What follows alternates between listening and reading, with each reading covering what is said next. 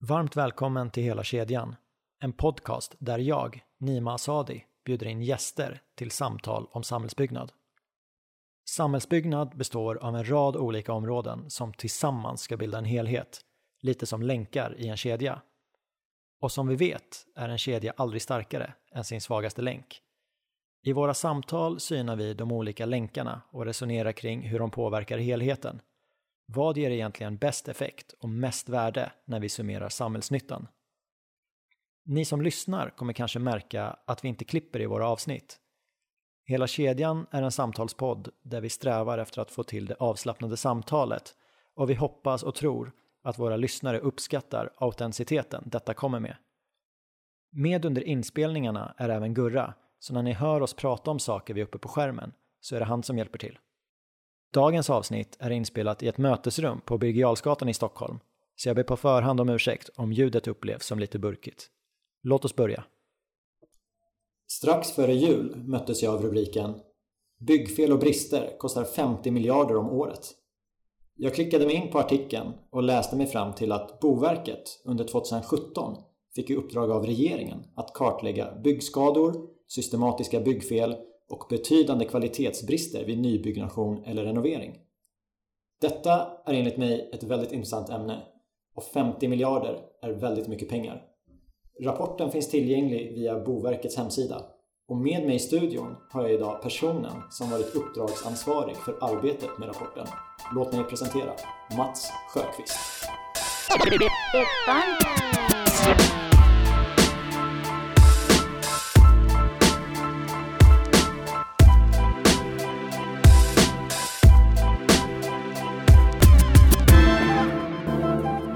Välkommen till podcasten Mats. Tack så mycket. Och välkommen till eh, Stockholm. För eh, det är inte här du arbetar i det dagliga. Nej, det gör jag inte. Utan jag jobbar på Boverket som är lokaliserat i Karlskrona.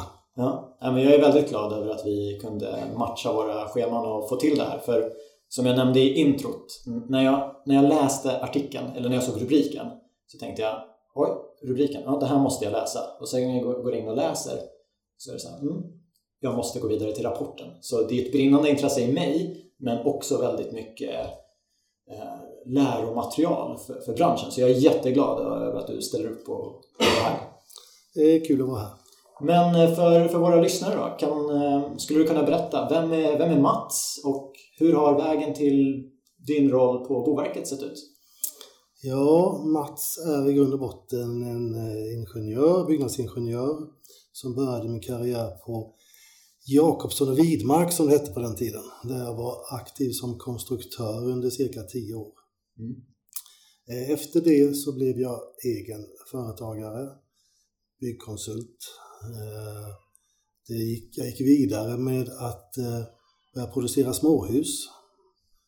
Under en 15-20 år så hade vi till och med en liten företag, egen fabrik som gjorde småhus. Jag var mycket i Tyskland och byggde småhus, eller levererade småhus ska jag säga, under vår lågkonjunktur på 90-talet. Någon fabrik? Var ja. tillverk... Gjorde ni moduler? Som... Jajamensan. Och när var det här sa du? Detta var, vi började eh, 1998 med detta. 20 år sedan? Ja, och då eh, började vi ganska småskaligt. Det har varit ett jättespännande projekt. Eh, vi hyrde ett större tält och sen så bemannade vi det med eh, brandmän. Brandmän är lediga ganska mycket oftast ganska duktiga hantverkare. Så när de inte släckte bränder mm. så producerade de eh, väggblock åt oss i vårt tält. Och så, vår marknad var ju framförallt Karlskrona då, eller sydöstra hörnet av Sverige. Men inledningsvis så byggde vi, eller sålde vi väl kanske en, cirka 20 hus om året.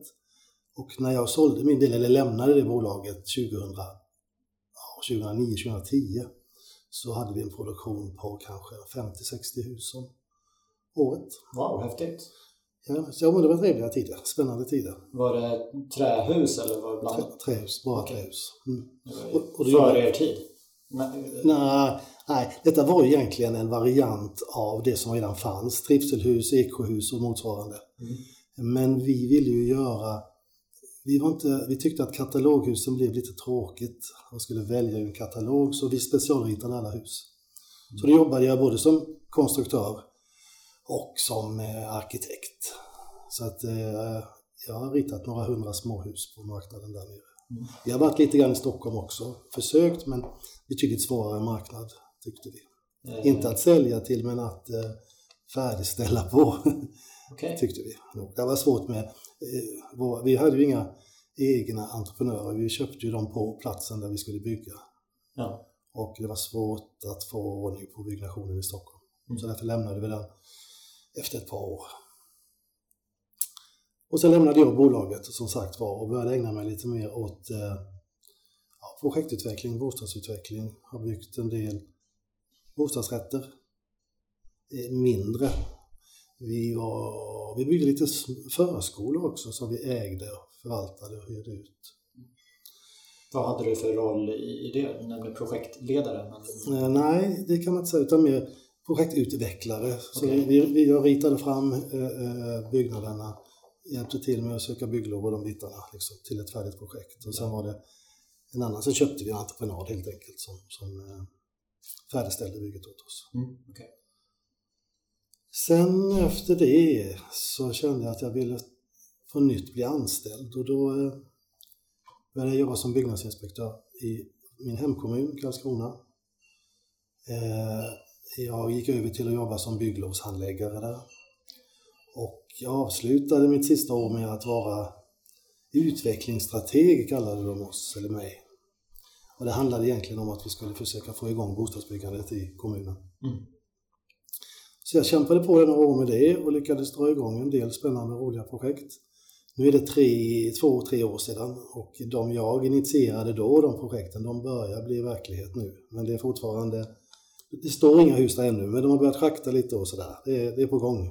Ja, men det, är det är kul med branschen också, de här ledtiderna. Att det, man, det du jobbade med för tre år sedan, det, det, det, det syns inte för de som går förbi än Nej. idag. Nej, precis så är det. Men eh, jobbet är gjort. Ja. Mm.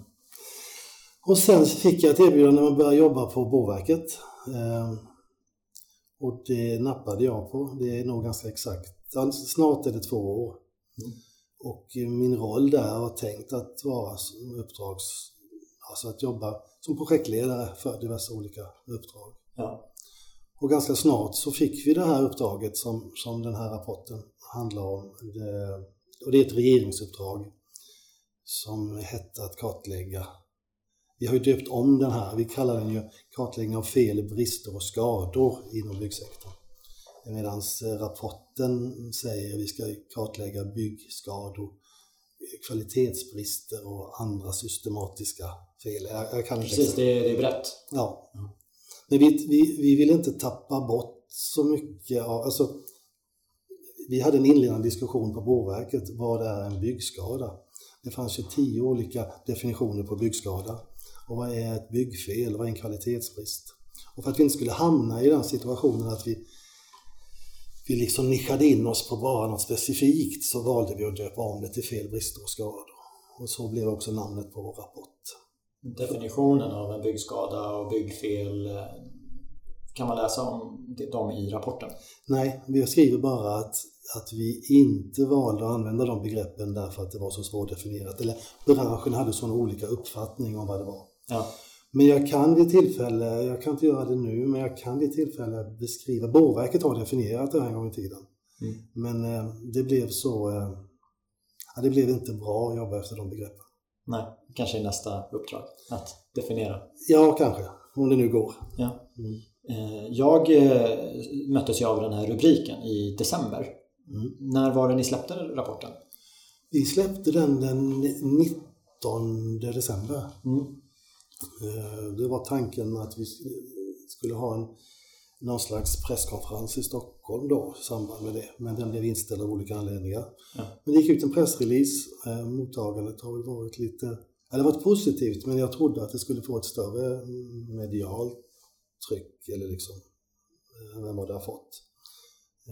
Men de vi har hört av och de som har visat intresse, de är oerhört positiva till till det materialet vi har släppt. Och att vi har vågat, eller vågat, men att vi har valt att gå ut med lite pengar och lite ekonomi i det här också, det uppskattas. Ja, men jag tänker, eh, för det var min fråga, hur, hur responsen har varit. Och eh, dels har ju många varit inblandade i, i den här rapporten. De har ju fått svara på, på frågor. Eh, och hade, jag, hade du frågat mig frågor som du ska ta fram en rapport på, då skulle jag ju vara jätteintresserad av att läsa den. Mm. Men man behöver ju inte ens ha varit med i rapporten. En sån här rapport borde ju intressera alla. Ja, jo men branschens aktörer är intresserade definitivt. Vad jag menar det är nog att snarare att jag hade vi kanske trott att medialt okay. skulle den få en större liksom, eh, ja. Eh, vi har ju knappt, jag tror inte någon form av TV har liksom eh, rapporterat om den utan det är eh, lite mindre branschtidningar i första hand som har skrivit om det. Och det tycker jag är lite synd. För jag tycker att eh, man borde förstå, alltså gemene man om man säger så, tror jag skulle, jag tror det varit bra om de också hade förstått hur mycket pengar det är som vi slösar bort. Men det hoppas jag kommer, för ni har ändå satt belopp på saker och ting och det, då blir det ju verkligt för gemene man. Ja, det Om man kan relatera till det så Även om de inte varit på bollen än så länge. Det har väl varit, vi har inte haft någon regering. Men nu kanske det kommer lite utrymme i sändningarna. Så ja, hoppas jag verkligen. Vi kan hoppas det. Plus, ja. Och sen fick vi ju en ny bostadsminister nu i dagarna och eh, han har inte tagit del av denna. Så att kan vi få återpresentera den för honom nu kanske så kanske det kan få en ny bäring så att säga, kraft. Hur visar branschen intresse?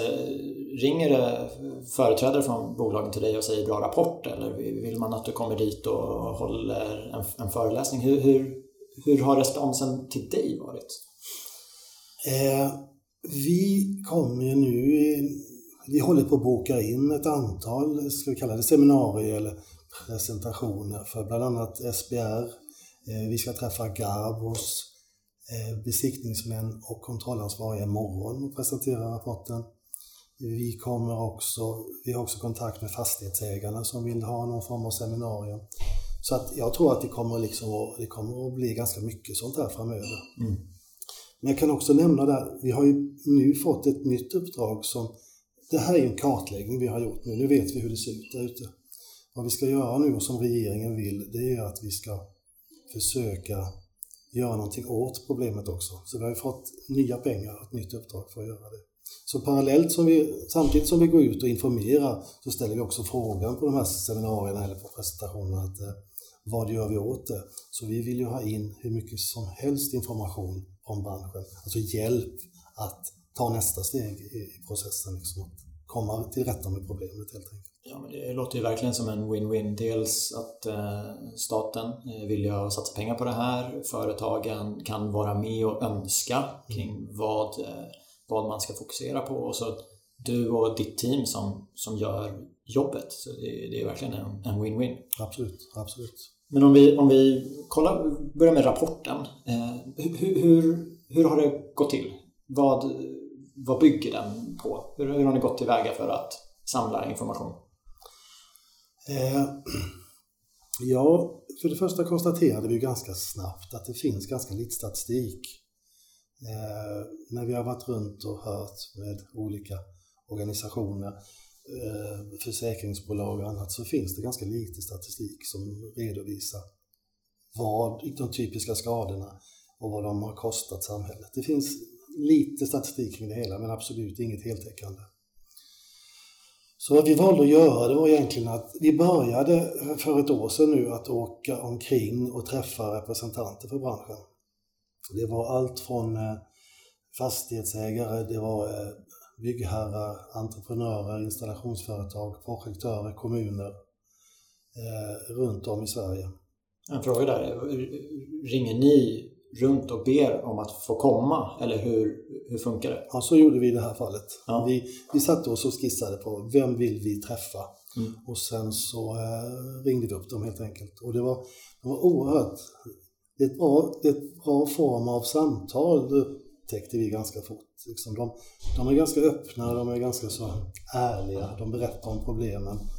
Men så fort det ska, och vi har, varit, vi har ju valt att inte namnge vem som har sagt vad i den här rapporten. Och det har vi lovat dem. Eh, och därför har vi fått ganska många bra svar, eller bekräftelse. Mm. Eh, så det sättet att, att eh, få information är bra. Så fort vi ville ha det skriftligt eller när vi ville ha ja, någon, någon annan form där det liksom kunde bli känt vem som, som har sagt det här, då var det svårare. Så att säga. Men så mm. fort vi var neutrala eller sa att vi, vi håller detta, inga, inga namn, då öppnade de sig och, och berättade mycket. Ja. Så vad vi gjorde var att vi ställde egentligen, när vi träffade de här så ställde vi fem, sex frågor. Det var egentligen eh, hur de allmänt såg på det här med byggskador. Eh, och vilka som är de vanligaste. Vad de kostar samhället, eller vad de kostar vara var nog frågan egentligen, vad, vad de anser att det kostar. hur stor del av produktionskostnaderna lägger de på att rätta till fel och annat. Vi frågade också, för i uppdraget fanns det med en, en fråga som handlade om eh, att bostadsrätter som byggs i Sverige är av sämre kvalitet än i övrigt. Alltså just bostadsrätter har ju fått, har en ganska dålig klang, liksom. det är mycket problem med det. Så det var en fråga vi ställde till dem också. Plus att vi avslutade med att fråga dem om de såg om det fanns några, vi kallade det tickande bomber. Och med det menade vi egentligen om de ser att det används material eller konstruktionslösningar eller tekniska lösningar som mm. bekymrar dem, som de oroar sig för. Mm. Som skulle kunna vara föremål för att, eh, där vi tittar på detta lite noggrannare för att så att säga mota Olle i grinden lite grann det här ska vi nog inte hålla på med längre. Så det ville vi veta också om de, om de såg några sådana här liksom, varningar. På Precis. Den här sämre klangen om bostadsrätter som du nämner. Eh, är det ett fenomen på senare år? För eh, under min uppväxt, jag är uppvuxen i hyresrätt, då, då, har jag alltid haft bilden av att bostadsrätten är, den är lyxigare, det är lite dyrare material och, och, och så. Sen har jag med tiden förstått att nej men, hyresrätter, det, det bygger man ju med ett helt annat förvaltningstänk. Mm. Eh, så, så det behöver inte vara bättre i bostadsrätter. Mm. Men jag tänker många eh, bostadsutvecklare min uppfattning är ju att det är ungefär samma material man bygger in i hyresrätter och i bostadsrätter om man bygger båda. Eh, men jag vet inte, vad, vad är din erfarenhet? När vi, där vi har pratat med, entreprenör, entreprenörerna så, så säger de att vi, vi har, de har ju oftast en teknisk plattform. De, har, de här väggarna kör vi eh, och de använder dem oavsett om de bygger hus för förvaltning eller för försäljning så att säga. Ja. Eh, så att när du pratar med entreprenörerna så säger ju de att eh, det är ingen skillnad på hyresrätter och bostadsrätter när det gäller, om vi säger kvaliteten då eller standarden. Men däremot när vi pratar med andra i branschen då är det nog mer hörsägen liksom att jo men bostadsrätter det läser vi om i tidningarna. Ja, det är ju så mycket ja. problem där. Och, och vi har ju dratt lite slutsatser kring detta och konstaterat att det är nog så att bostadsrätter är mer, det är mer skador på bostadsrätter än på hyresrätter. Mm. Men anledningen till det tror vi, detta är någonting som vi har, vi har fått fram utifrån de samtalen vi har haft, att Bostadsrätter ska ju säljas, man vill göra dem attraktiva, man vill göra dem snygga. Man vill såklart ha en häftig fasad, man vill ha en takterrasser, man vill ha vattenanslutna maskiner i köket och ja. så vidare. Alltså, allt det som vi har sett i rapporten är de vanligaste typerna av skadorna, de applicerar man på eh, bostadsrätterna mm. för att göra dem attraktiva. För att trycka upp priset och för att göra dem säljbara. Mm. Det är nog en skillnad och hyresrätterna som kanske har en egen tvättstuga bland annat. Precis. Men där är en rolig, för jag har ju den här uppfattningen att det är samma plattform, bostadsrätter, hyresrätter. Men en gång var jag med om ett projekt studentlägenheter. D där var det ju verkligen inte samma sak, för de beställarna visste exakt vad de skulle ha och målarfärgen. Alltså, men den, den ska man kunna, du ska kunna skrubba på den. Mm. varför det? Nej, studenter har en tendens att klottra och det var när de beskrev den här studenttypen. Mm. Är det så? Jag har aldrig gått i studentkorridor men jag blev helt chockad över kraven. Det var så, studentlägenheter vet jag att ja, men det brukar vara helt andra krav men bostadsrätter och hyresrätter, samma plattform. Mm. Men, men det är väl så, det är, där pratar vi kanske egentligen ytskikt mer då ja. i det fallet. Eh, och det kan vara så att en, ett trapphus eh, i en hyresrätt som någon ska förvalta, där skulle man vilja ha rostfri plåt på väggarna liksom, liksom det som mm. tål det mesta. Eh, men däremot rostfri plåt, det kan väl vara fräckt i vissa, vissa utrymmen kanske, men i en bostadsrätt så vill du väl ha någonting som är snyggt där kanske då. Lite, inte rostfritt utan någonting kanske som är lite känsligare men som är snyggt för att mm. det ska kännas.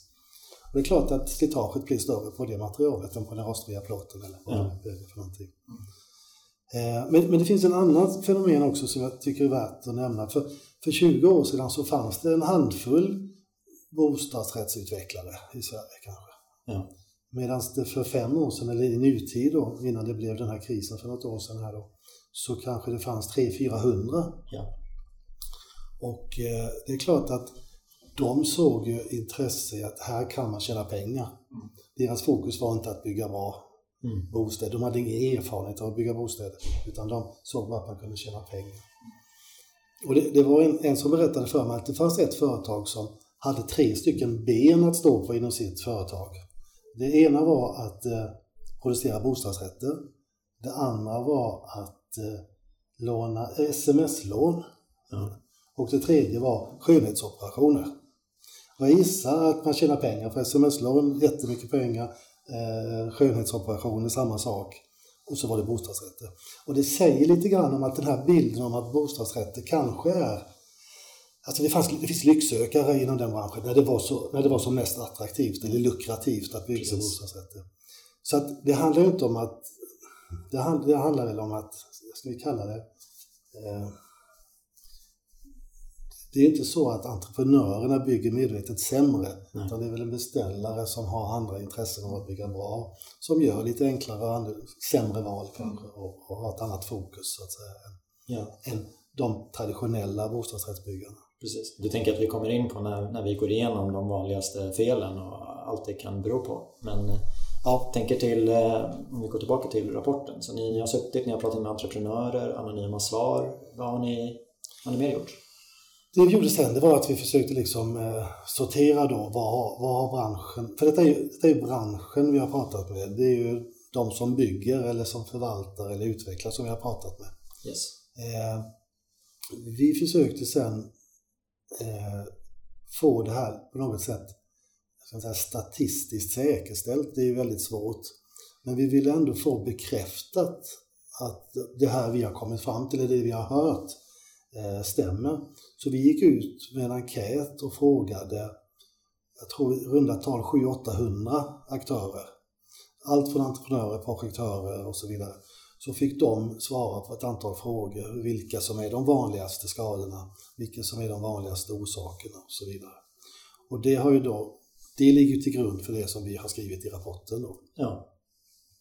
Så den är ju inte jättevetenskaplig, det kan jag inte påstå, men, men den är ju definitivt, eh, det i alla fall beskriver den hur branschen ser på det idag. Så, så tydlig är den. Ja, men jag tänker det, det ni gjorde, även om ni satt eh, och pratade med entreprenörer som gav anonyma svar. Mm. Eh, jag kan inte tala för hela branschen, men jag har ju ändå några kursare ute där ute och så mm. pratar vi, vi pratar om erfarenhetsåterföring och det är inte ens ofta man sitter så internt på bolaget och pratar om ja, men vad, vad gick dåligt här, vilka lösningar kan vi göra bättre? Så du pratar om att det inte är så vetenskapligt. Jag skulle säga att det är, det är exakt det där som saknas i vår bransch. Mm. Att no, an, anteckna ner ja, eh, erfarenheter. Ja. Och den här berömda erfarenhetsåterföringen som varenda examensarbete har handlat om de senaste 50 åren i alla fall. Precis, ja det är sant. Eh, men sen kom ni fram till eh, en, del, en del resultat. Eh, och då, det, dels vill jag ju höra om dem, men var det någonting som du kände så här, oj, det här hade vi inte väntat oss? Nej, tvärtom. Ja. Tyvärr. Eh, jag skoj, brukade skoja sa det att vi kunde gjort en copy-paste på den, en, en sån här som gjordes för 20 eller 30 år sedan. Ja. För det, det, är alltså samma typ av skador idag som det var för 30 år sedan. Ja. Och det vi konstaterar det är ju att 70, 75, 80 procent är ju fukt eller vattenrelaterade skador. Ja, jag tog ett citat från, från rapporten och då står det så här. Vid samtalen påtalades att runt 1980 var 75% av alla skador relaterade till fukt. Mm. Och eh, det finns ingen anledning att tro att det är annorlunda idag. Mm. Och då tänker jag så här. Varför inte? Mm. Det är 40 år sedan. Ja. Har vi inte blivit bättre? Vad- Men här har ju du en annan teori som vi pratade om på telefon med fuktskador, att de kanske flyttat från badrummet Till köket. Ja, Ja, det är en bit. Vi har ju de lika mycket fuktskador i kök som vi har i våtutrymme. ja, Och det var som jag nämnde tidigare, idag har vi ju ganska så mycket fler vattenavslutna maskiner i köken än vad vi hade för 40 år sedan. Då var det väl, det var väl då diskmaskinen gjorde någon slags inträde på, på, på marknaden. Och den har ju ställt till lite problem, diskmaskinen. Men nu har vi ju kaffemaskinen och vi har vattenmaskinen och vi har, jag vet, gud vet vad vi har för vattenanslutna maskiner. Men vi ställer ju inga krav på tätskikt i våra kök idag. nej, Men sen har vi också, eh, vi har nog, vi har nog flyttat också, från sadeltak har vi ju inga större problem med. nej. Men idag är det mycket platta tak, takutsprången har försvunnit. eh. För jag kan väl nämna också att av de här, jag, jag säger fukt och vattenrelaterat. Ja. Så vi ska skilja på det. Fukt är ju det som regnar in genom taket eller regnar in genom väggarna. Om vi säger så, utanförkommande fukt. Eller via diffusion, det, det är sådana här saker. Men vattenskador, det är de där en, en ledning eh, går sönder, en Mm. koppling brister eller en koppling till diskmaskinen. Det är vattenskador. Eller när akvariet eh, går sönder, det är också en vattenskada. Ja. Så vi skiljer på fukt och vattenskador. För det finns ju Vattenskadecentrum, det är ju ett, en, en, ett, en organisation som, som rapporterar, dit alla försäkringsbolag rapporterar skador. Och de rapporterar ju årligen då hur det ser ut när det gäller vattenskador. Men det är inte det som är regn, det är inte regnvatten då så att säga. Så vi har klart för oss vad det är för skillnad. Ja. Ja, men jag tänker det. För säker vatten, det känns ju som att den är ju standard i branschen. Eller den, den borde vara det bland seriösa aktörer. Den, Absolut. den reglerar ju, ja, men inga dolda kopplingar, det ska vara eh, ett tätskikt i slitsbotten. Men den reglerar ju inte att du har kopplat in din diskmaskin Nej. korrekt. Precis. Eh, gick det att se, om vi, om vi pratar skador i, i kök, eh, var, var, det, var det mer att det är anslutning till maskinen, att det är där problemet är? Eller var det de här dolda eh, kopplingarna i, i, i slitsen som, som ingen ser efter VVS-besiktningen? Mm. Nej, jag kan nog inte säga det. Utan, eh, det, det enda vi vet det är liksom att förmodligen är det kopplingen. Mm. Jag, jag tror det. Men, men det har vi inte kunnat, eh, så i detalj har vi inte gått in på. Utan vi har bara konstaterat att om, om vattenskadorna i badrum var på en viss nivå för tio år sedan Mm. så var de i kök på en lite lägre nivå. Så tror jag det är så att, att vattenskadorna i våtutrymmen har minskat. Men det har kompenserats via skadorna i köket så därför så är nivån på skadorna densamma. Ja. Så att jag tror Säker Vatten har gjort, eller vi vet väl att Säker Vatten har gjort mycket nytta. Så att vi har ju blivit bättre, men precis som du sa, det, var, det är ju en, de har flyttat någon annanstans. Precis. Eh, och framförallt låglutande tak, eller platta tak, takterrasser, även fasader. Klimatskalet är ju den, den konstruktion eller del av huset som är vår svaga länk. Så det, det läcker in i våra hus. Så enkelt är det. det, är Det blir- väldigt kostsamt då Ja. också när Ja. det inte skyddar. Eh, om vi stannar vid fukt och vattenskador, gick det att se någon skillnad mellan hyresrätter, bostadsrätter, mellan geografier, mellan byggår eller jag antar att om det inte bara plingar till hos dig nu så har man ju inte sett något sånt mönster. Nej, alltså det, det vi konstaterar det är väl att, eh, och detta hör väl lite grann ihop med det här tänket att vi ska bygga, det är inte en murad tegelfasad på hela huset idag utan det är lite puts, det är lite trä, det är lite tegel, det är mycket skarvar. Eh, vi jobbar mycket med fasadskivor. Eh, och eh, det är i anslutning till när de här materialen möter sig så, så konstaterar vi att det läcker in på dem. Det är de ställen som är de svaga länkarna då. Eh, så jag tror att vi hade mindre problem med detta förr i tiden. För då var det ett sadeltak och det var en murad fasad. Eh, jag, jag, det här är lite min egen personliga uppfattning, men det känns som att vi var bättre på att göra täta hus förut än vad vi är idag. Ja, då var det en annan typ av fuktskador. Då var det väl grunden som vi fick, eller rättare sagt, vi byggde en källare som skulle vara en källare och sen började vi inreda den och så fick vi våra problem med våra gillestugor. Eh, det var ju okunskap, men Vi hade ju Lars Albinsson som gäst tidigare. Han berättade han gjorde en del jobb åt Volvo. Och Volvo, jag tror han sa redan på 80-talet, jobbade med AI-teknik. De, de testade motorerna, hur de reagerar efter att ha kört ett visst antal tusen mil. Mm. Och på så sätt så kunde de ju se att den här länken är felande, vi måste fixa den. Mm.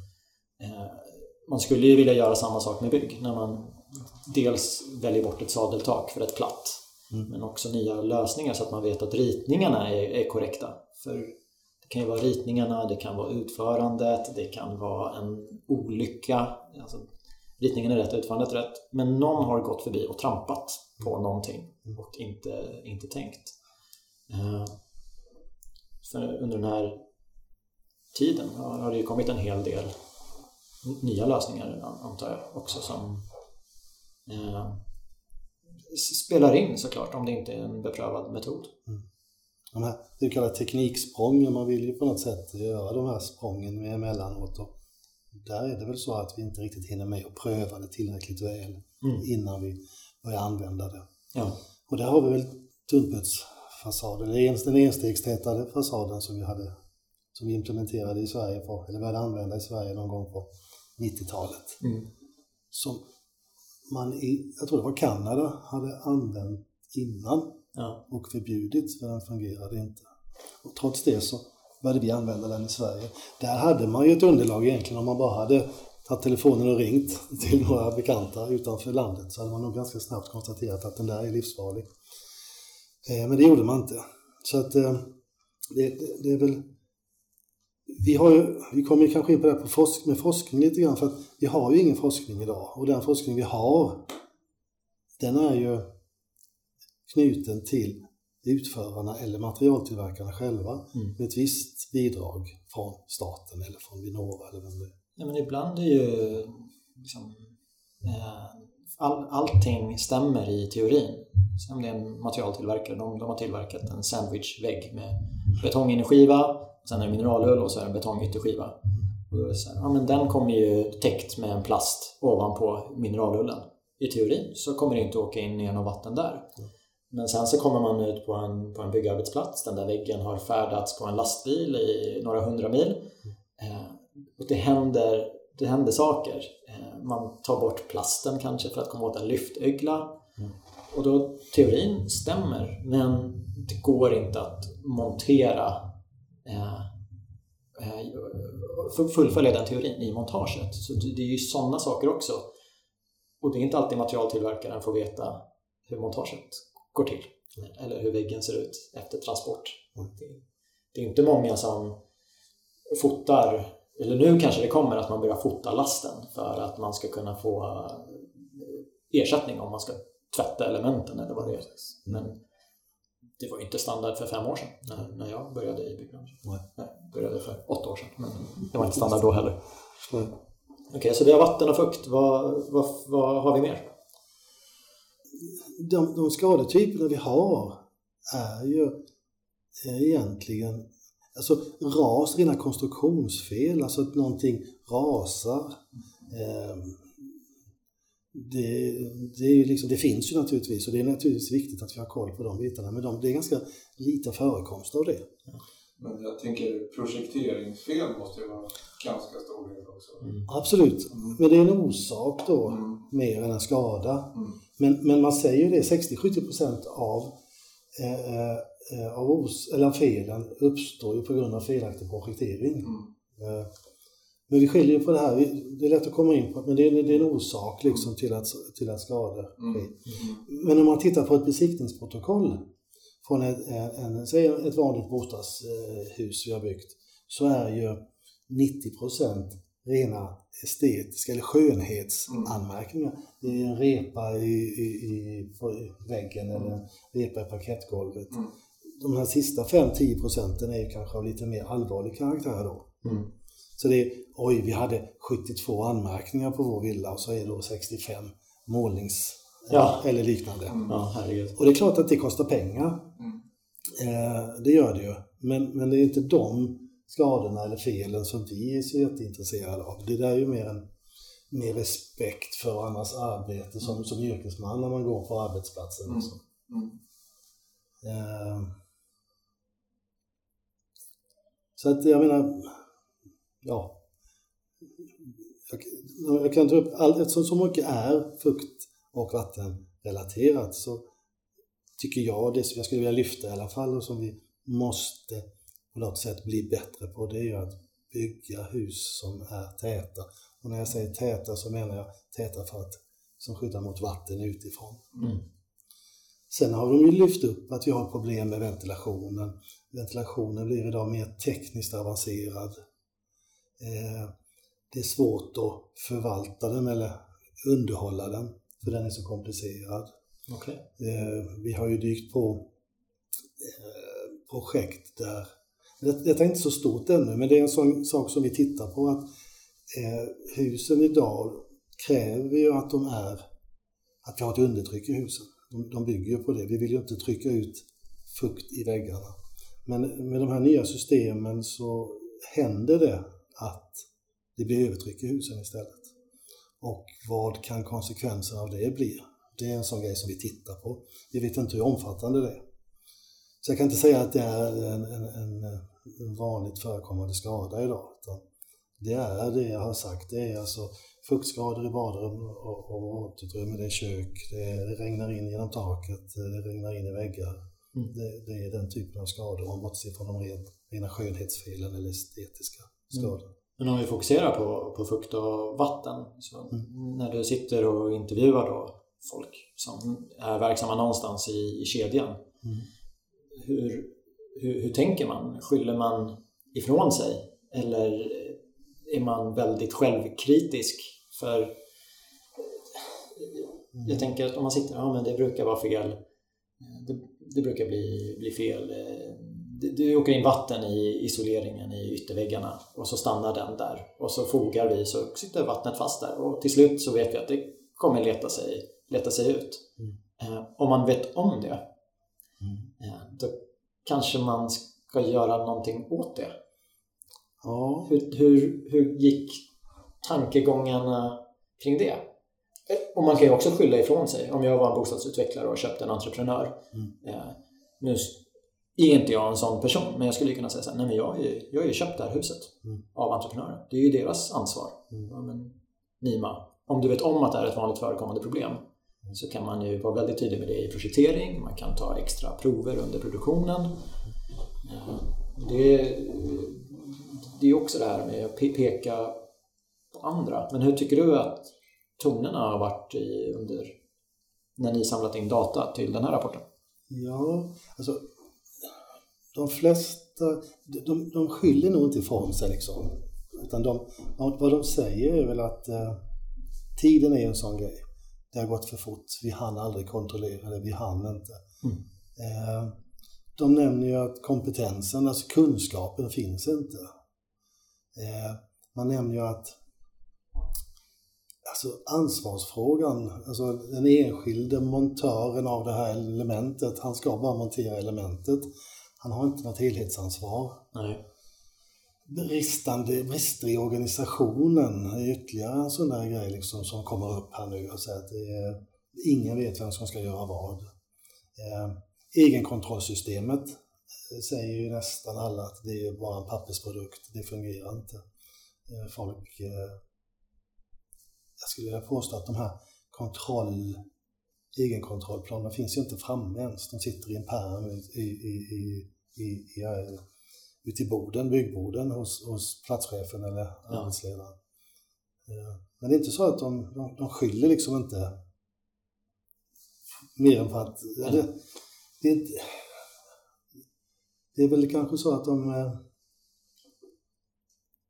de, de, de, de, de, anledning till att, de, de, eh, att det blir de här problemen, det är tid, dålig organisation, det är mycket nytt folk, det är dålig kunskap. Det är liksom orsakerna till, till att det här sker. Ja, jag tänker kring tid.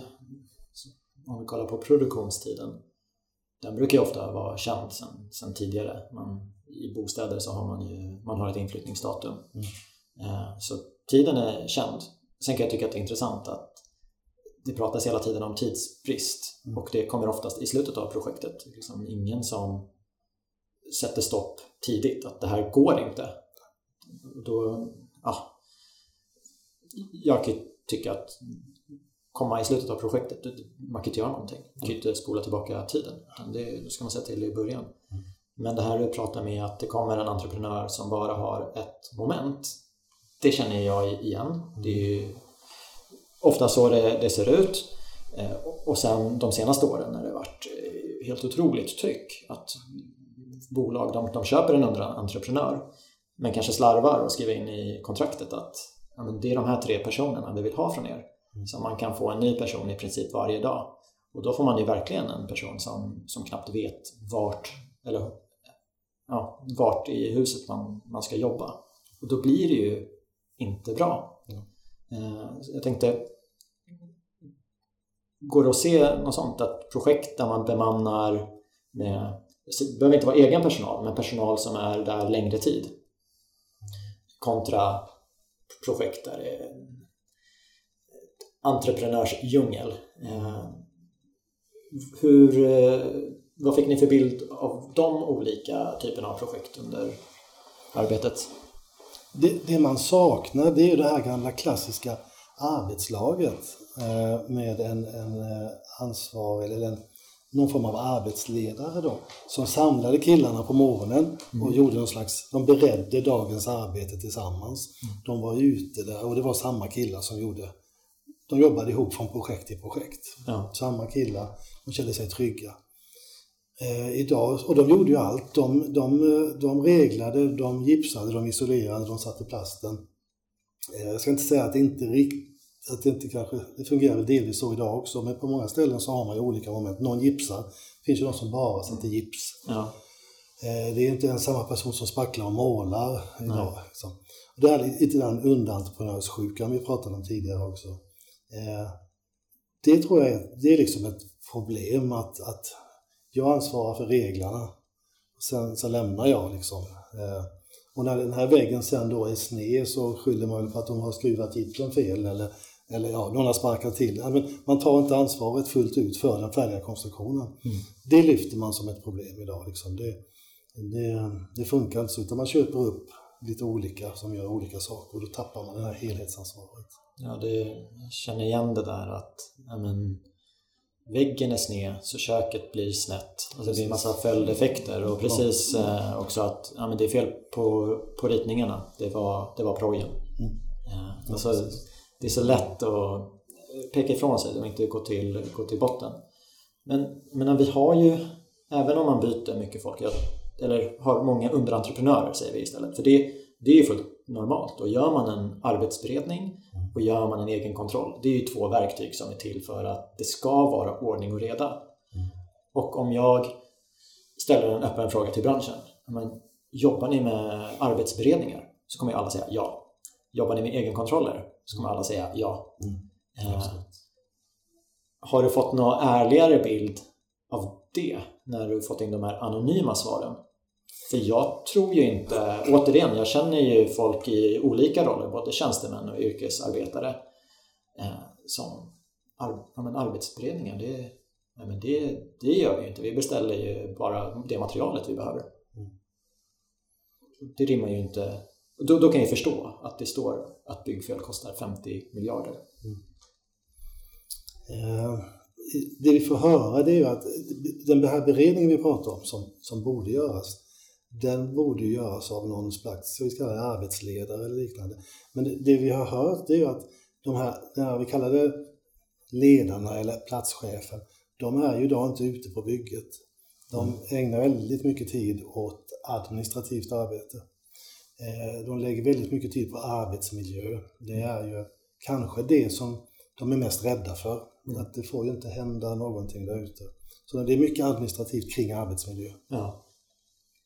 Eh, så, och de, så de saknar nog den här ledaren ute på själva arbetsplatsen. Okay. De skulle behöva det här gamla hedliga laget med en, en teamledare eller vad det kallades liksom som som liksom, nu, det här har vi fått i uppgift att göra idag, det här ska vi göra nu. Mm. Eh, det saknas, det, det, lyfter de fram eh, definitivt som ett problem, ja. eller som en saknad av någonting.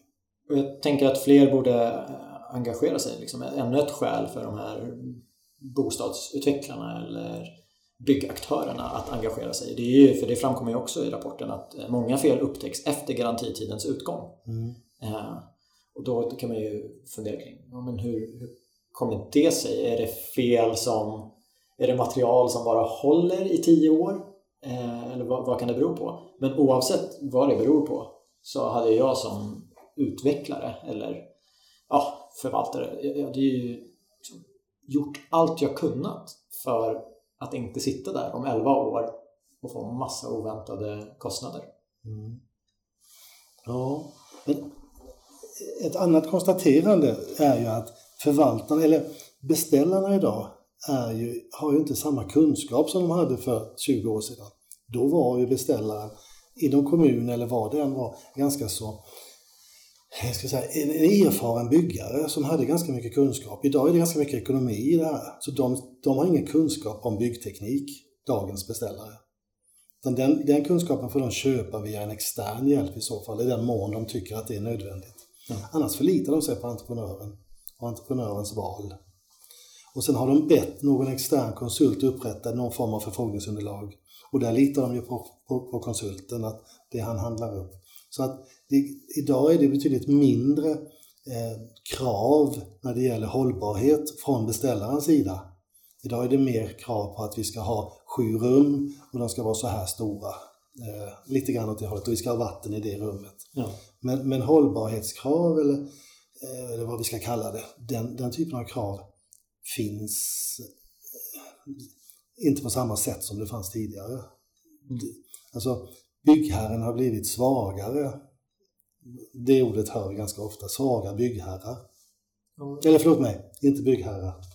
Eh, Byggaktörer? Nej, vad heter det? Beställare. Beställare, ja. ja. Ja, men jag tänker det här med, med, erfarenheter, det är intressant för du nämner ju också att nej, men, ute i produktion så har ju rollen förändrats för en arbetsledare, för en platschef. Det är, det är mycket mer administrativt och det är många fler arbetsmiljöfrågor att hålla koll på. Mm. Eh, och samma för, för beställaren. Tidigare så hade de en helt annan bygg, eller en kompetens om, om bygg. Vad, vad, kan man, vad kan man göra för att roller förändras ju men någonstans måste man ta tillvara på erfarenheter och inte arbetssätt men, men, men kompetens som, som finns bland människor i, i branschen och in, innan vi glömmer bort det. För att om 20 år, om, om vi fortsätter jobba så här, då, då kommer det bli ännu färre som har rätt kompetens. Eh, har ni funderat lite kring sen, men vad, vad kan vi göra? Ja, vad vi som Boverket kan göra, det, det är svårt att säga, men, men det, vi, det vi tror har störst inflytande kring hur slutresultatet blir, det är ju ändå det är ju beställaren. Han kan påverka tiden som är ett, ett stort problem. Han kan ju påverka vilket material vi ska jobba med. Han kan också styra upp vem han vill jobba med på ett annat sätt, tydligare, ställa krav på de som ska utföra arbetet. Så är det någon som vi tycker vi bör, någon kategori i, i sektorn liksom som, vi, som vi tycker att man borde lägga energi på, det är då är det stärka beställarens roll, eller byggherrens roll. Mm. Det känner vi eh, ett sätt som vi kan, eh, kanske inte Boverket kan göra, men som vi borde initiera någon form av att stärka byggherren eller beställaren. Något ja. sätt. Ja. Sen hur det ska gå till, det, det vet jag inte, men, men det, det skriver vi lite grann om i rapporten också, att det, det är den personen inom, inom själva produktionen eller av, av bostad eller av byggnader som har, har mest påverkan. Ja, du nämnde ju en öppning också i början av samtalet att Boverket ska jobba vidare Absolut. med det här. Och eh, beställarna de, de kan ju läsa att ja, men, eh, fel och brister som upptäcks under produktionsskedet det motsvarar 2-5% av produktionskostnaden. Mm. Eh, skador som upptäcks efter garantitidens utgång det motsvarar 5-7% av produktionskostnaden. Eh, ineffektiv resursanvändning 10% av produktionskostnaden. Och om vi bara tar de tre, för den sista rör ju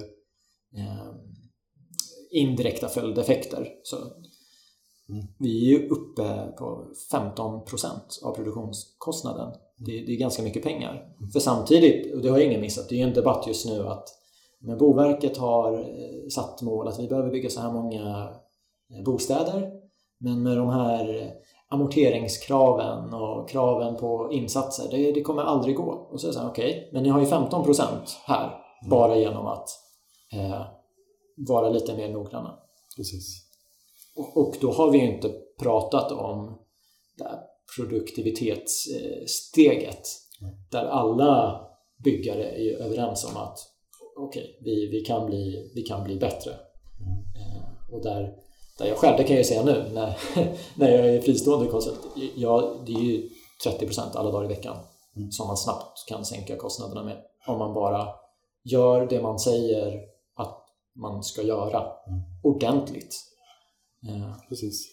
så di- din telefon eller Boverkets växel borde ju bli helt nedringd av aktörer som, som vill vara med för att det är, det är en bransch som omsätter väldigt mycket pengar.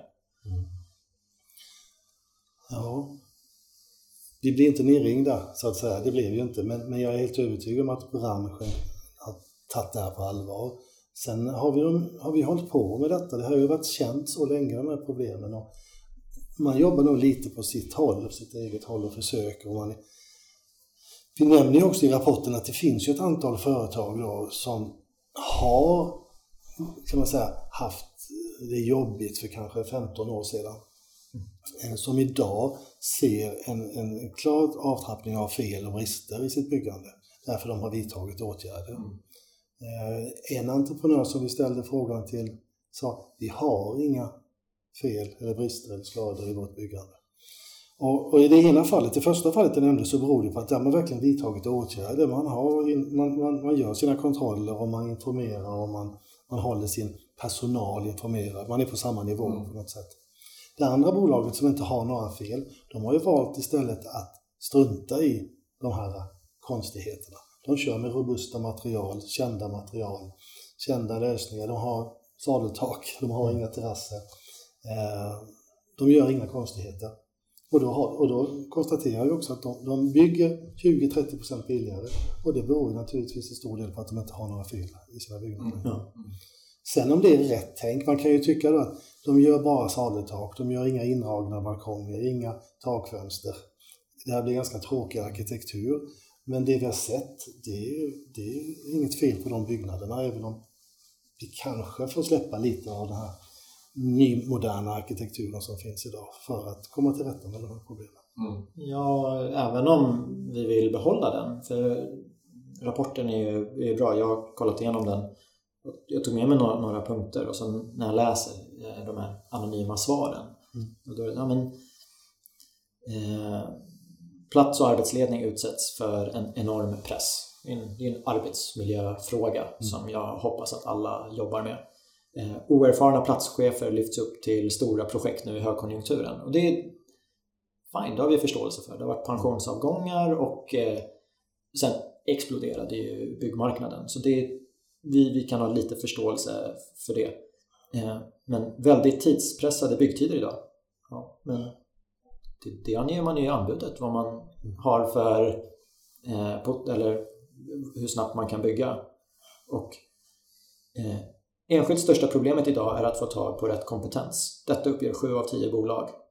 Eh, Ja, men det sätter ju ännu större fokus på hur du sätter ihop de här grupperna. Som vi var inne på att ja, men när blir det som bäst? Det är när man har jobbat ihop och gjort ett projekt och så går man till, till nästa. För eh, erfarenhetsåterföringen är ju bristfällig mellan projekt. Men inom gruppen så har man ju det i, i huvudet. Och så, så lär man sig lite mer, lite mer. Så Visst, en punkt är ju det här med, med fel uppstår ofta när tekniksprång görs. Eh, och nu kanske arki- arkitektur, det är kanske inte ett tekniksprång, men säg att det är en liten förändrad produkt. Mm. Men sen finns det sex andra punkter som man styr över själv. Absolut. Och det, är, det konstaterar vi, det är branschen som måste lösa det här problemet. Vi kan ju inte... För, för man säger också att det är inte fel på regelverket. Istället säger de att hade vi följt regelverket så hade vi inte haft några problem. Ja, Eh, regelverket, när de, när de ger sig på regelverket så handlar det mer om planprocesser och sådana här saker, att det är lite för jobbigt att få igenom. Men, men, de, men BBR, alltså byggreglerna, det är ju ingen som säger att det har ingenting med byggfelen att göra eller fel, brister och skador att göra. Mm. Det, det, tycker de ju är eh, det, fungerar. Så att vi som boverkare, vi, eller så Boverket kan ju inte göra speciellt mycket åt detta. Nej. Kanske ändra någon liten regel någonstans, men mm. den stora delen ligger på branschen själva att lösa. Precis. Och eh, jag menar, det kommer alltid vara utmaningar. Det kommer ofta tekniksprång och saker som byggs in i huset. Men som vi ska bryta ner ett bostadshus. Mm. Väldigt många av byggdelarna är ju väl beprövade och har inte förändrats sådär jättemycket på hundra år. Nej, så är det. Sen Kryger, det var väl han som byggde det första betonghuset? Det kanske var. Ja, inte långt härifrån där vi sitter idag. Mm. Men jag tänker framåt, för det, det är kul när man tar fram en rapport. Man, man kollar vad som har varit, man gör analysen, men sen kommer man ju fram till hur ska vi ta detta vidare?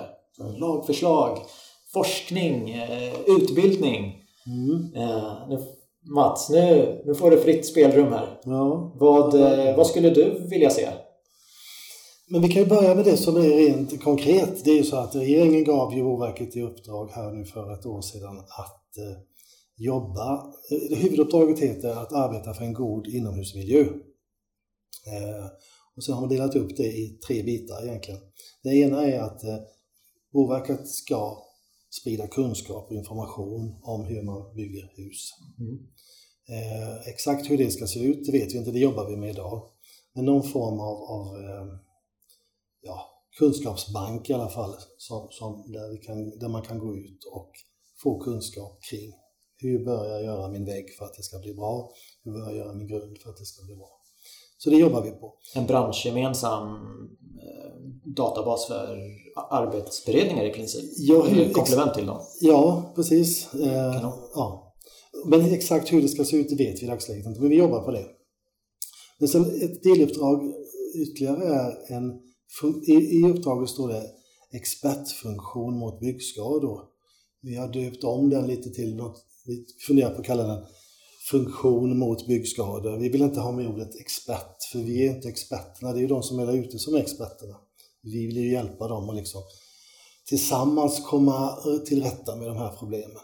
Så det är en funktion som vi nu har fått pengar från och som vi jobbar med för att implementera och få igång där vi kommer jobba lite grann på samma sätt. Vi försöker hitta eh, de risker som vi tror finns eller de för, som, kan bli, som det kan bli problem med. Eh, och eh, utreda det och se, behöver vi oroa oss för detta? Vi kan ju bara ta ett exempel. Vi dök ju på det här med betongen, den moderna betongen. Då hette det, när vi började med det här, eller dök på problemet, så var det den gröna betongen. Eh, därför den var miljövänlig. Man blandar alltså i flygaska. Ja. ja man ersätter delar av cementet mot flygaska. Och detta gjorde man, eh, gjorde man för en tre fyra år sedan. började man blanda i den här flygaskan i, i betongen eller i cementen för att trycka ner eh, koldioxidutsläppen. Och eh, efter något eller några år så märkte branschen eller entreprenörerna att betongen torkade inte som den gjorde innan. Eh, det kan bli en ganska lång historia, men eh, sammanfattningsvis i alla fall så kanske det inte var så att den torkade långsammare, men mätmetoderna för att mäta uttorkningen eh, som man använde innan fungerade inte på den här nya betongen. Okay. Så att den kanske var torr, men man kunde inte mäta det. Så därför fick man vänta länge, framförallt är det ett problem när man ska lägga plastmattor. Ja. Sen finns det de då som hävdar att eh, vi har fått jättestora problem med våra plastmattor. Eh, limmet för tvålar, det blir emissioner och annat. Eh, och det beror på flygaskan. Men vi vet inte det idag om det är det som är orsaken. Vi vet bara att den mätmetoden vi använde innan för att mäta, det funkar inte på den nya metoden. Den är mycket tätare, provtätheten är större i den här, betydligt större än i den tidigare betongen. Eh, men kontentan var i alla fall att eh, vi, vi, vi gjorde någon slags tekniksprång. Vi, vi ersatte cementklinker med, med flygaska. Upp till 15-16 procent stoppade man i. Effekten blev ett problem mm. som nu håller på att utredas. Då. Mm. för att den ena tekniken inte utvecklades tillsammans med den andra tekniken? Ja, eller rättare sagt, den utvecklades ju inte tillsammans med lim och plastmatteföretagen. De skulle ju varit med i detta, utan här gjorde man någonting och så la man på samma lim och samma plastmatta som tidigare och det funkade inte. Eller så, ja, det här är en ganska svår fråga som, som utreds idag. Ja. Det är oerhört många människor involverade i detta nu, men det är ett problem i alla fall. Och vi vet att eh, det här måste, det här kommer ta ett par år till innan vi får ordning på detta. Och under ett eller två års tid så lägger vi fortfarande plastmattor Mm. på den här betongen Ja. utan att veta vad som kommer att hända egentligen. Men Så, ja. det där exemplet, då är det ändå, ja men vi har bytt betong. Vi, nu har vi flygaska i betongen. Ja. Många gånger upplever jag att eh, vi har bytt betong till flygaska och så har vi även bytt ut limmet för det fanns några kemikalier i det förra som vi inte ska ha nu. Ja. Och så blir det fel Mm. och då är det okej. Ja, men då, då får vi ju börja om från början Mm. och kolla hur det har blivit så här. Precis. Eh, Oftast är det ju det är inte det är sällan vi är så lyckligt lottade att det är en sak av tio vi har bytt, ut. Vi har helst bytt ut fyra av tio. Mm. Ja. Men eh, tillbaka, tillbaka till dig. Eh, En, en till sak som med de anonyma svaren är ju Många kommer direkt från skolan, det vill säga ingen erfarenhet. Och då tänker jag att det vore väl kanon om skolan då kunde eh, arbeta in eh, det här i sin, sin läro, läroplan, att kurser kring byggmaterial, byggmaterial och byggkemi, det finns ju, har funnits i alla år. ja, det finns ju, men, men det verkar inte vara så många som är intresserade av att gå de kurserna. Vad har hänt där? Ja, jag, det där är, jag, jag har pratat med, med någon på KTH här, som ni, jag behöver inte nämna några namn, men han, han tycker att det är ingen som anmäler sig till mina kurser längre, för de tycker inte det är kul att jobba med byggskador eller byggfel och så vidare. Utan de vill jobba med andra saker. Eh, jag vet inte om det är så över hela landet, men det har vi förstått är ett problem. De har inte samma intresse. Den här klassiska. Jag kan ju sakna den gamla hedliga gymnasieingenjörsutbildningen. Den tog man ju bort för ganska många år sedan nu. Men det här är min, kanske min personliga uppfattning också, men de hade inga större ambitioner att göra någon karriär, att bli, bli liksom arbetschefer eller, eller förstår ni? Mm. Utan när de, de blev arbetsledare eller kanske platschefer och nöjde sig med det. Och eh, efter ett tag så blir de riktigt duktiga platschefer eller arbetsledare. Idag, de som kommer ut som har högre utbildningar, de vill ju de är där några år för att lära sig, sen försvinner de. Yes. För de vill upp liksom, i, karriären. Och det ser jag som ett problem. Den gamla hedliga gymnasieingenjören, det var ett bra komplement. Det fattas idag, tycker jag, i, i, inom i entreprenörsflödet.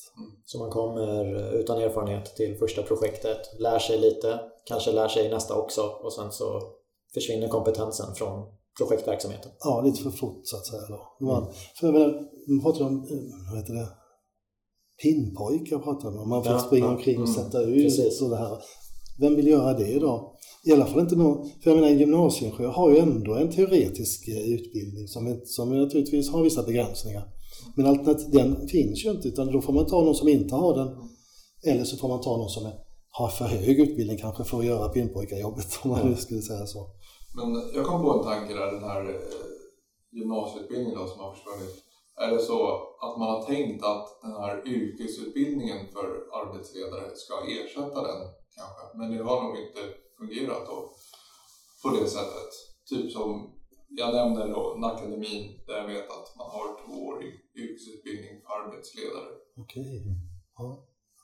Ja, jag vet inte men det känns som att en, en sån här rapport och det man kommer fram till eh, hade jag varit ett läroinstitut så hade jag ju börjat läsa på och eh, ja, men hur kan vi för då, de eleverna får ju en, helt klart en fördel Mm. Ja. att bli specialiserade på det här. Mm. Eh, Man lär sig väldigt mycket. Vi har ju faktiskt Tina Karbom Gustafsson som, som gäst i ett kommande avsnitt från KTH. Så då ska jag, ska jag fråga lite hur det är med bygg, byggmaterial och byggkemi och, och om man och kan se... byggskador och byggfel. Precis, Mm. men för man läser ju, visst man läser ju sånt på, på KTH men man läser det på fler ställen, det är helt rätt Gurra. Mm. Mm. Så det är en, en kompetens som, som finns. Mm. Men, men, men nå- något mer då, eh, Mats? Jag tänker, det finns ju en del eh, branschorganisationer. Vi har IQ Samhällsbyggnad, vi har Samhällsbyggarna som kanske mer fokuserar på studenter. Jag hoppas att jag inte säger fel. Eh, de skulle man ju vilja sätta ihop eh, ett superteam med, Boverket och IQ Samhällsbyggnad tillsammans för då med alla deras medlemsorganisationer eh, Mm. kan ju bli, kan ju bli riktigt bra. Så vi är ju i det här, just nu är vi i det skedet att vi håller på att planera. Hur ska vi göra? Och, och vilket ansvar eller uppdrag är Boverkets i det här? Mm. Eh, Vi är en myndighet, eh, men vi ska ju inte gå ut och lära folk att slå i spiken på rätt sätt. Det, det, det ska ju någon annan göra. Så att däremot är vi jättetacksamma för all, alla förslag och idéer vi kan få. Och, och sen vad vi kan göra med dem utifrån Boverket, det, det får vi liksom värdera från, från fall till fall. Vi sprider gärna kunskapen. Vi, eh, eh, vi har fått, jag kan bara nämna det uppdraget vi har fått nu som jag nämnde, det här med att arbeta för god inomhusmiljö. Där tror vi i alla fall att vi kan jobba med att ge råd och tala om hur man ska göra rent, alltså ungefär så här ska du slå i spiken. Mm. Det har ju Boverket aldrig fått göra innan. Nej. De har ju varit livrädda för att ta på sig ansvar. Och, men det har Boverket sagt att så här kan man göra. Ja. Så, så, så får vi inte göra, eller har vi inte fått göra i alla fall. Men vi hoppas ju att det här uppdraget nu ger oss möjlighet att jobba mer eh, proaktivt, alltså gå ut och tala om att gör så här så blir det bra. Men då ska vi göra det med material som är kvalitetssäkrat och säkerställt och tryggt. Vi får liksom inte vara vår egen uppfattning. Så det kräver ganska mycket arbete för att vi ska kunna, alltså där vi har kvalitetssäkrat detta så att vi ska våga släppa ut det på Boverket, alltså där Boverket är avsändare. Ja, för ett styrmedel som Boverket har är ju BBR. Ja, Eh, och eh, där står det ju inte hur man slår i spiken. Det skulle i så fall vara ett komplement till BBR då. Ja, eller bara en ren webbplats, informationssajt där vi liksom kan sprida känd kunskap. För det finns ju massa utredningar som är gjorda. Det finns massa handböcker och vägledningar som inte Boverket har gjort som är bra och som är accepterade i branschen och som man vet fungerar.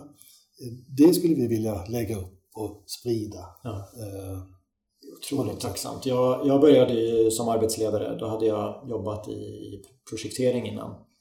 Eh, Som VDC-ingenjör, men det är väl någon form av biträdande projekteringsledare. Så jag gick med en jättekunnig person som heter Stefan och liksom sög till mig all eh, kunskap jag kunde få. Och jag, jag beundrade ju det med honom. Han kunde sitta bakåt lutad på stolen och han hade ju alla svar. Så det var ju perfekt. Sen kom jag ut i produktion och då har jag ju under min tid på KTH, jag har ju lärt mig att lära mig saker. Och under precis. projekteringen har jag förstått lite men varför vi har väggen, varför, varför är det 1,10 mellan de här väggarna? Okej, det finns något som heter tillgänglighetskrav. Det jag inte hade lärt mig, det var ju vilka moment ingår när man ska sätta upp en gipsvägg. Och så bara, men vi, Veidekke hade egna snickare och det är jag ju jätteglad för. Men samtidigt när vi satt där, det, det, det kändes ju jättekonstigt att vara arbetsledare för ett moment och inte veta hur det går till. Så hade det funnits en databas med det här är en arbetsförslag på arbetsledning. Även om man gör avsteg från den så hade det ju varit tryggt för mig att kunna läsa på och få en förståelse. Så att det inte blir, som det säkert är på många ställen, att ja, men jag behöver den här skruven, jag behöver den här skruvdragaren och jag vill ha gipsskivor en gång i veckan. För då gör man inte särskilt mycket nytta. Sen hade jag tur under produktionsskedet också att jag, jag fick gå med en annan arbetsledare som idag är en jätteskicklig platschef, det är Tord heter han. Hade inte jag hamnat bredvid Tord hade min, min, min karriär sett helt annorlunda ut. Jag hade ju tur som fick gå. Mm. Men det är inte, den, den lyxen har man ju inte i många projekt. Det är, återigen, det har varit jättemånga pensionsavgångar. Byggbranschen har exploderat. Det finns säkert projekt där arbetsledarna är, nej men de har en utbildning men de har ju inte fått se det. Nej, precis. Hade de, hade de sett förslag på arbetsberedning Att de kunnat lösa det jättebra. Men det finns inte. Nej, det finns eh, mycket att fundera kring i detta. Eh, Vi lekte ju med tanken här att om vi fick skriva lite förslag på vad vi skulle kunna ändra i VBR eventuellt. Yes, nu! Nu, nu sträcker jag på mig. Ja, nej, men det kanske inte direkta, men vi kallar det regeländringar i alla fall. Så tycker vi då att, att våra hus är inte täta, det läcker in i dem. Både tak och väggar, genom fönster och genom anslutningar. Så antingen får vi då lära oss att bygga tätt. Mm. Och frågan är om vi kan det. Har vi inte lyckats fram till nu, så varför skulle vi lära oss framöver?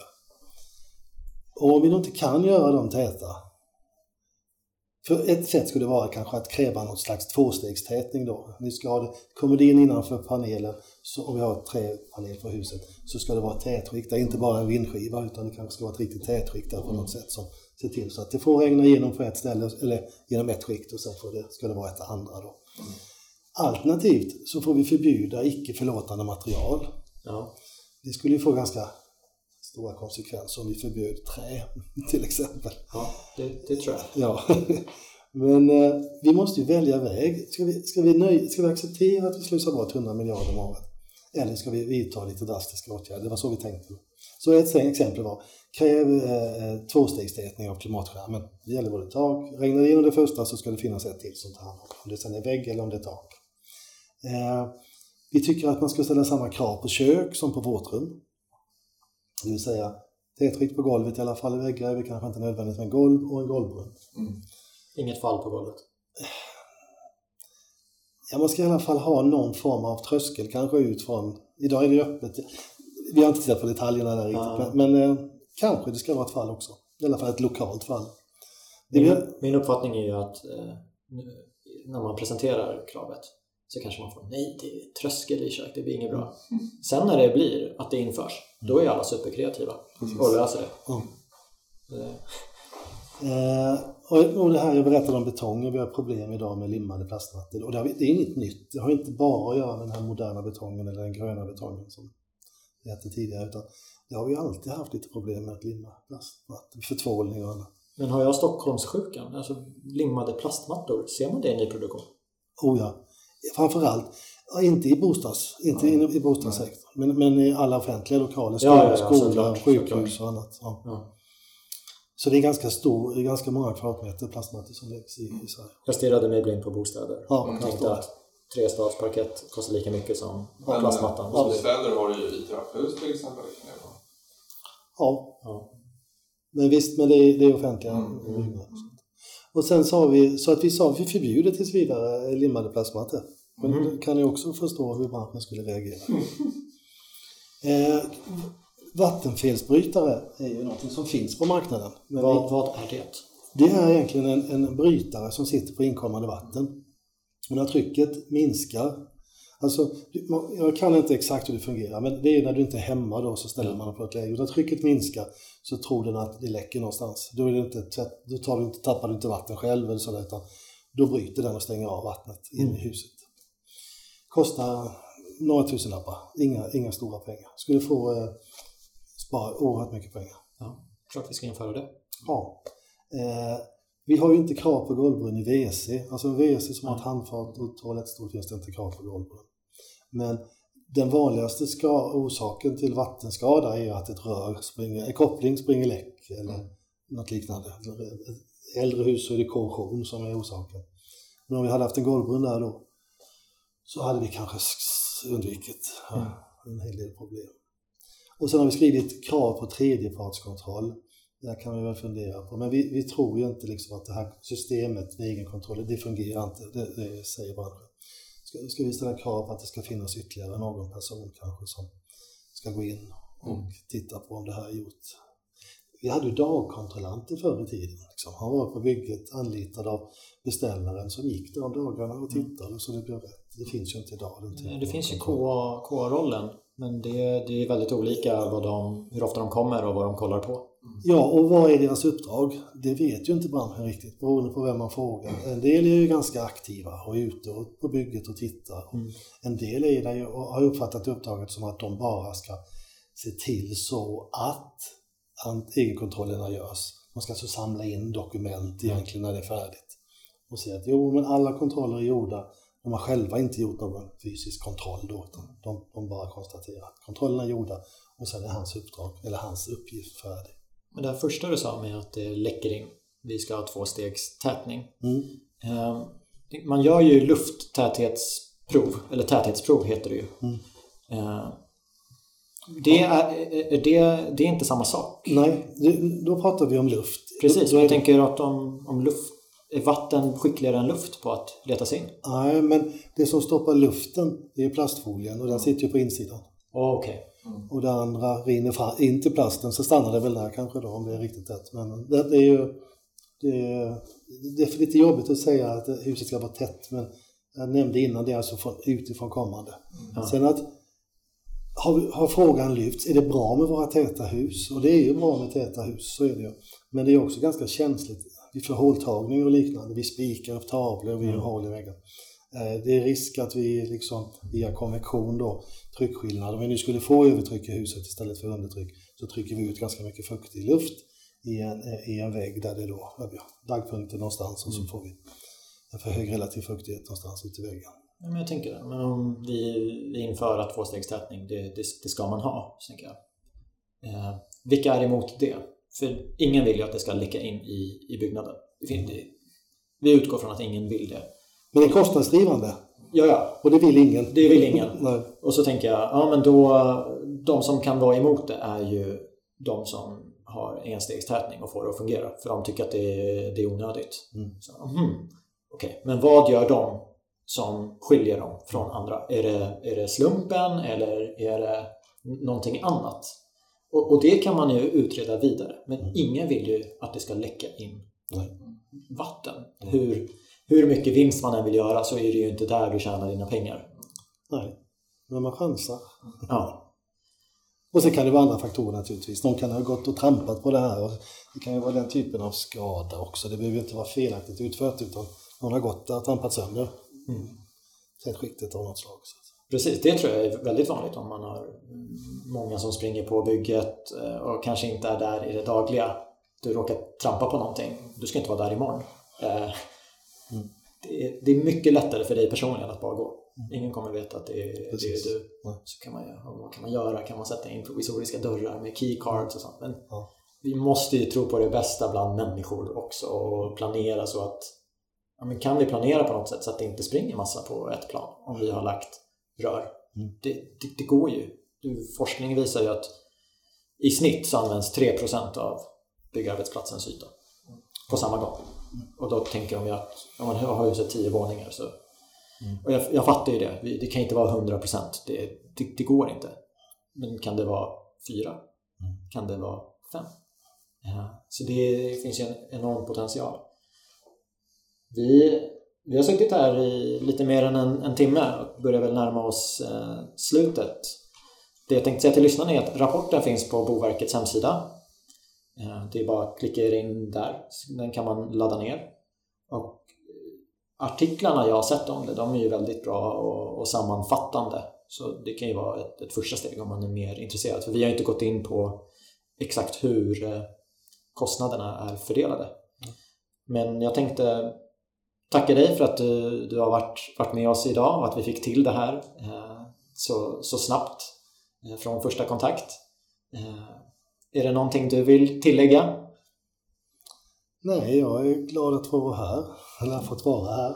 Och jag eh, tackar er för idag. Ja, nej men det, nöjet är helt på vår, på vår sida och eh, nu när ni är igång med det här nya arbetet så, så är vi väldigt intresserade av det, det också. Så vi får hålla kontakt under året. När, när ska nästa vara klar?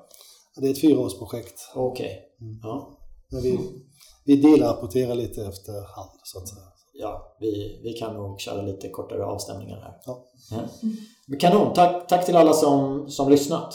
Eh, och så Nu är säsongen igång igen så om en vecka kommer det ett nytt avsnitt. Eh, vi, vi hörs! Hej då! Hej då! Hej då.